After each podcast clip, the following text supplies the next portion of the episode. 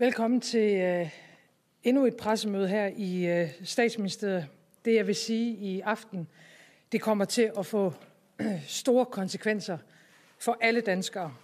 Der vil komme øh, svære situationer nu for rigtig mange borgere, og der bliver brug for, at vi hjælper hinanden.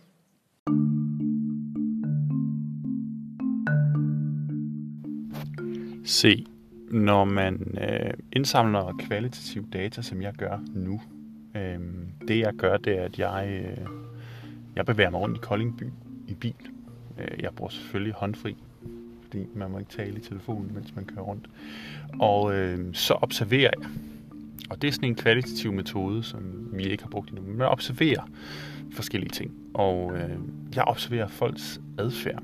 Og øh, det jeg skal lige nu, det er, at øh, jeg skal faktisk ned og hente min søn i hans øh, institution. Så øh, jeg kører faktisk gennem Koldings trafik lige nu. Øh, og der er en del biler, men der er færre, end der er på nuværende tidspunkt. På en normal dag. Øh, klokken er sådan kl. 3, så det er sådan midt i myldretid. Øh, og øh, jeg kører på Haderslevvej lige nu, og der er ikke sådan super mange biler. Og det er der nok en grund til. Hvis det her det var 14 dage siden, eller en måned siden, så vil der stort set ikke være nogen biler. Øh, og var det to måneder siden, så vil der være fyldt med biler. Øh, så det er et konkret eksempel på, at øh, der ikke er så mange mennesker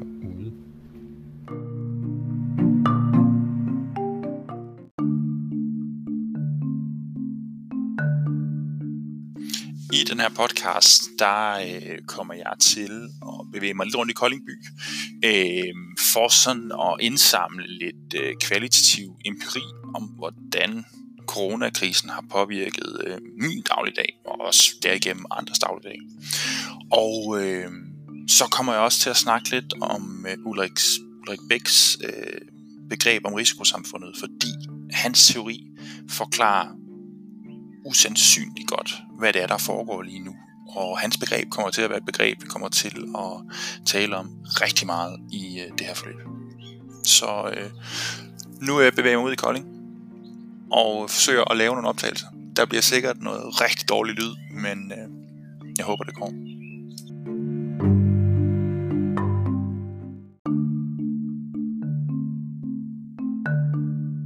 Så i det her forløb, der, øh, der kommer vi til at tale øh, en del om øh, Ulrik Bæks begreb om risikosamfundet. Øh, og for lige at genopfriske hos jer, så, øh, så vil jeg godt lige fortælle lidt om øh, hans begreb. Øh, Ulrik Bæk, han er øh, enig med øh, Gittens og øh, Sige øh, om, hvad der kendetegner det senmoderne samfund og husk nu, det senmoderne samfund, det er det samfund, vi lever i i dag. Det er et samfund, som er globaliseret. Det er et samfund, hvor at nationalstaterne ikke længere har den samme magt og betydning, som de havde under det moderne samfund. Det er et samfund, hvor familieformerne øh, er langt mere varieret, end de har været tidligere, og hvor at øh, det enkelte individ har langt mere kontrol over sin skæbne, end det har tidligere. Altså, og det har det blandt andet, fordi traditionerne ikke har samme magt hvor Gittens og sige, de er meget positive omkring, hvilke muligheder det her senmoderne samfund skaber, så, øh, så Ulrik Bæk øh, langt mere pessimistisk. Og det er han, fordi at han mener, at det senmoderne samfund, det er et samfund, der skaber risici. Altså, når det senmoderne menneske forholder sig til den verden, de lever i, så forholder de sig til risici og ikke muligheder. Øhm, Beck han siger, at det her det sker som konsekvens af, at verden er blevet meget mere globaliseret. Øh, og sådan helt fundamentalt anderledes, end hvordan tidligere har været. Øh, et eksempel Beck han bruger meget ofte for at vise, hvordan den her globaliserede verden skaber risici, øh, så taler han om naturen og teknologien. I forhold til naturen, så øh, bruger han ofte eksemplet med øh, klimaforandringerne som et eksempel på det her, han kalder risikosamfundet. Øh, Ulrik Bæk han påpeger meget rigtigt, at det senmoderne menneske er i stand til at beherske naturen langt hen ad vejen. Men vi er også blevet, det siger han, at vi er blevet så gode til at beherske naturen, at vi også har skabt en situation, hvor klimaet ikke længere er i balance, og der kommer nogle konsekvenser af den måde, øh, vi lever på rent teknologisk, som skaber nogle enorme risici. Og Bæk han siger, jamen, at de her risici har også været der tidligere, men i dag, fordi vi har den kommunikationsteknologi, vi har, så opfatter vi det anderledes. Og det gør vi, fordi vi får så meget information lynhurtigt, øh, som gør, at de her klimaforandringerne, effekten af klimaforandringerne virker meget større, end de er. Det samme ser vi også, øh, når man kigger på krig og ufred. Vi lever for eksempel i den mest fredelige tid i verdenshistorien, men mange tror, at vi lever i den mest voldelige tid, fordi de har det her mediebillede, der, der ser meget voldsomt ud. Så for Bæk, der er det senmoderne samfund et samfund, der skaber risici. Og grunden til, at han bruger tid på at tale om det her, det er, fordi han har en grundantagelse om, at mennesket ikke reagerer rationelt på risici. Altså, han siger, at det senmoderne menneske oplever risici, men ikke forholder sig til dem rationelt. Og det gør de, fordi de kan ikke overskue konsekvenserne af det, der skaber risici. Igen, her er klimaforandringerne et øh, godt eksempel på det. Der er ikke nogen, der kan overskue det fulde årsagsbillede, altså de fulde, fulde årsager til, at klimaforandringerne sker, og der er heller ikke nogen, der kan overskue de fulde billede af konsekvenserne, og derfor reagerer folk irrationelt. Det samme gør sig gældende med coronakrisen. Der er ikke nogen, der kan overskue de fulde konsekvenser, så der er nogen, der handler mere eller mindre rationelt i forhold til det. Som konsekvens af det her, så siger Beck, jamen, alle de her kriser er blevet nødt til, de bliver, det bliver nødt til at blive håndteret på et politisk plan, og det er nødt til at være det, det politiske samfund, der håndterer det, fordi de har også musklerne til at løse det. Det har vi ikke selv. Helt, helt centralt i Becks begreb om risikosamfundet er hans øh, tese om, at risiko er demokratiserende. Det betyder ikke, at risiko altså udfordringer, samfundsudfordringer, skaber mere eller mindre demokrati. Det er ikke det, han mener. Det, han mener, det er, at de risici, han beskriver i risikosamfundet, altså klimaforandringerne, øh, coronakrisen, de er demokratiske i den forstand, at de rammer alle borgere lige meget. Altså den oplevelse af risiko, som borgerne har, den er ens lige meget, om man er mand, kvinde, rig, fattig øh, osv. osv., osv.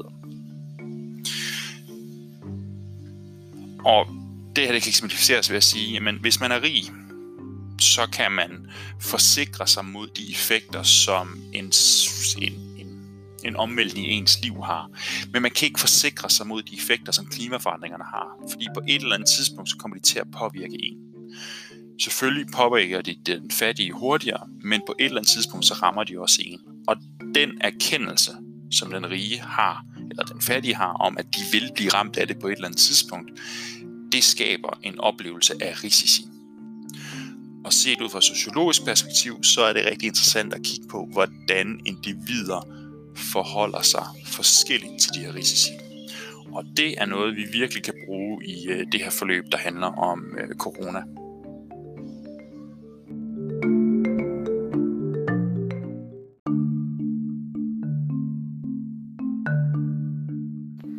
Nu er jeg kommet frem til min øh, søns daginstitution. Han går i sådan en øh, privat dagplejer, øh, og de er sådan super mange børn, og det er sådan et meget øh, hyggeligt sted. Og normalt så, øh, så er han indenfor. Men øh, på grund af coronakrisen, så er den her øh, dagpleje, det er blevet en udendørs dagpleje. Øhm, de må ikke være indenfor. De må kun være udenfor. Og der er sådan en masse regler om, at de skal spritte af, og så videre, så videre, så videre. Øhm, og det er selvfølgelig noget, som den her dagpleje faktisk har ret svært ved at overholde. Øhm, så hun overholder faktisk ikke helt reglerne, men det er vi forældre, det, det er vi sådan set okay med, for det har vi tillid til, at, at det skal nok gå. Men det er en super mærkelig situation i at være som forældre, at man skal vurdere de risici, som der er ved det her smitteværk og at man skal sige god for, om ens barn kan være i det. Det samme gør så også gældende, når man skal på arbejde, når det I skal i skole. Øh, men det er ligesom blevet en del af den virkelighed, vi er i. Øh, heldigvis så er min dreng rigtig glad for at være afsted, og det er egentlig kun os forældre, der er sådan lidt mærkelige omkring det. Når vi henter vores børn, så går vi, hvis vi kommer samtidig, så holder vi sådan afstand til hinanden, og det hele bliver sådan lidt, lidt akavet. Øhm, heldigvis mærker børnene det ikke. Det er egentlig meget rart. Nå, men øhm, nu vil jeg gå ind og hente ham og spritte af, og inden jeg rører ved noget og holder afstand til dagplejemoren.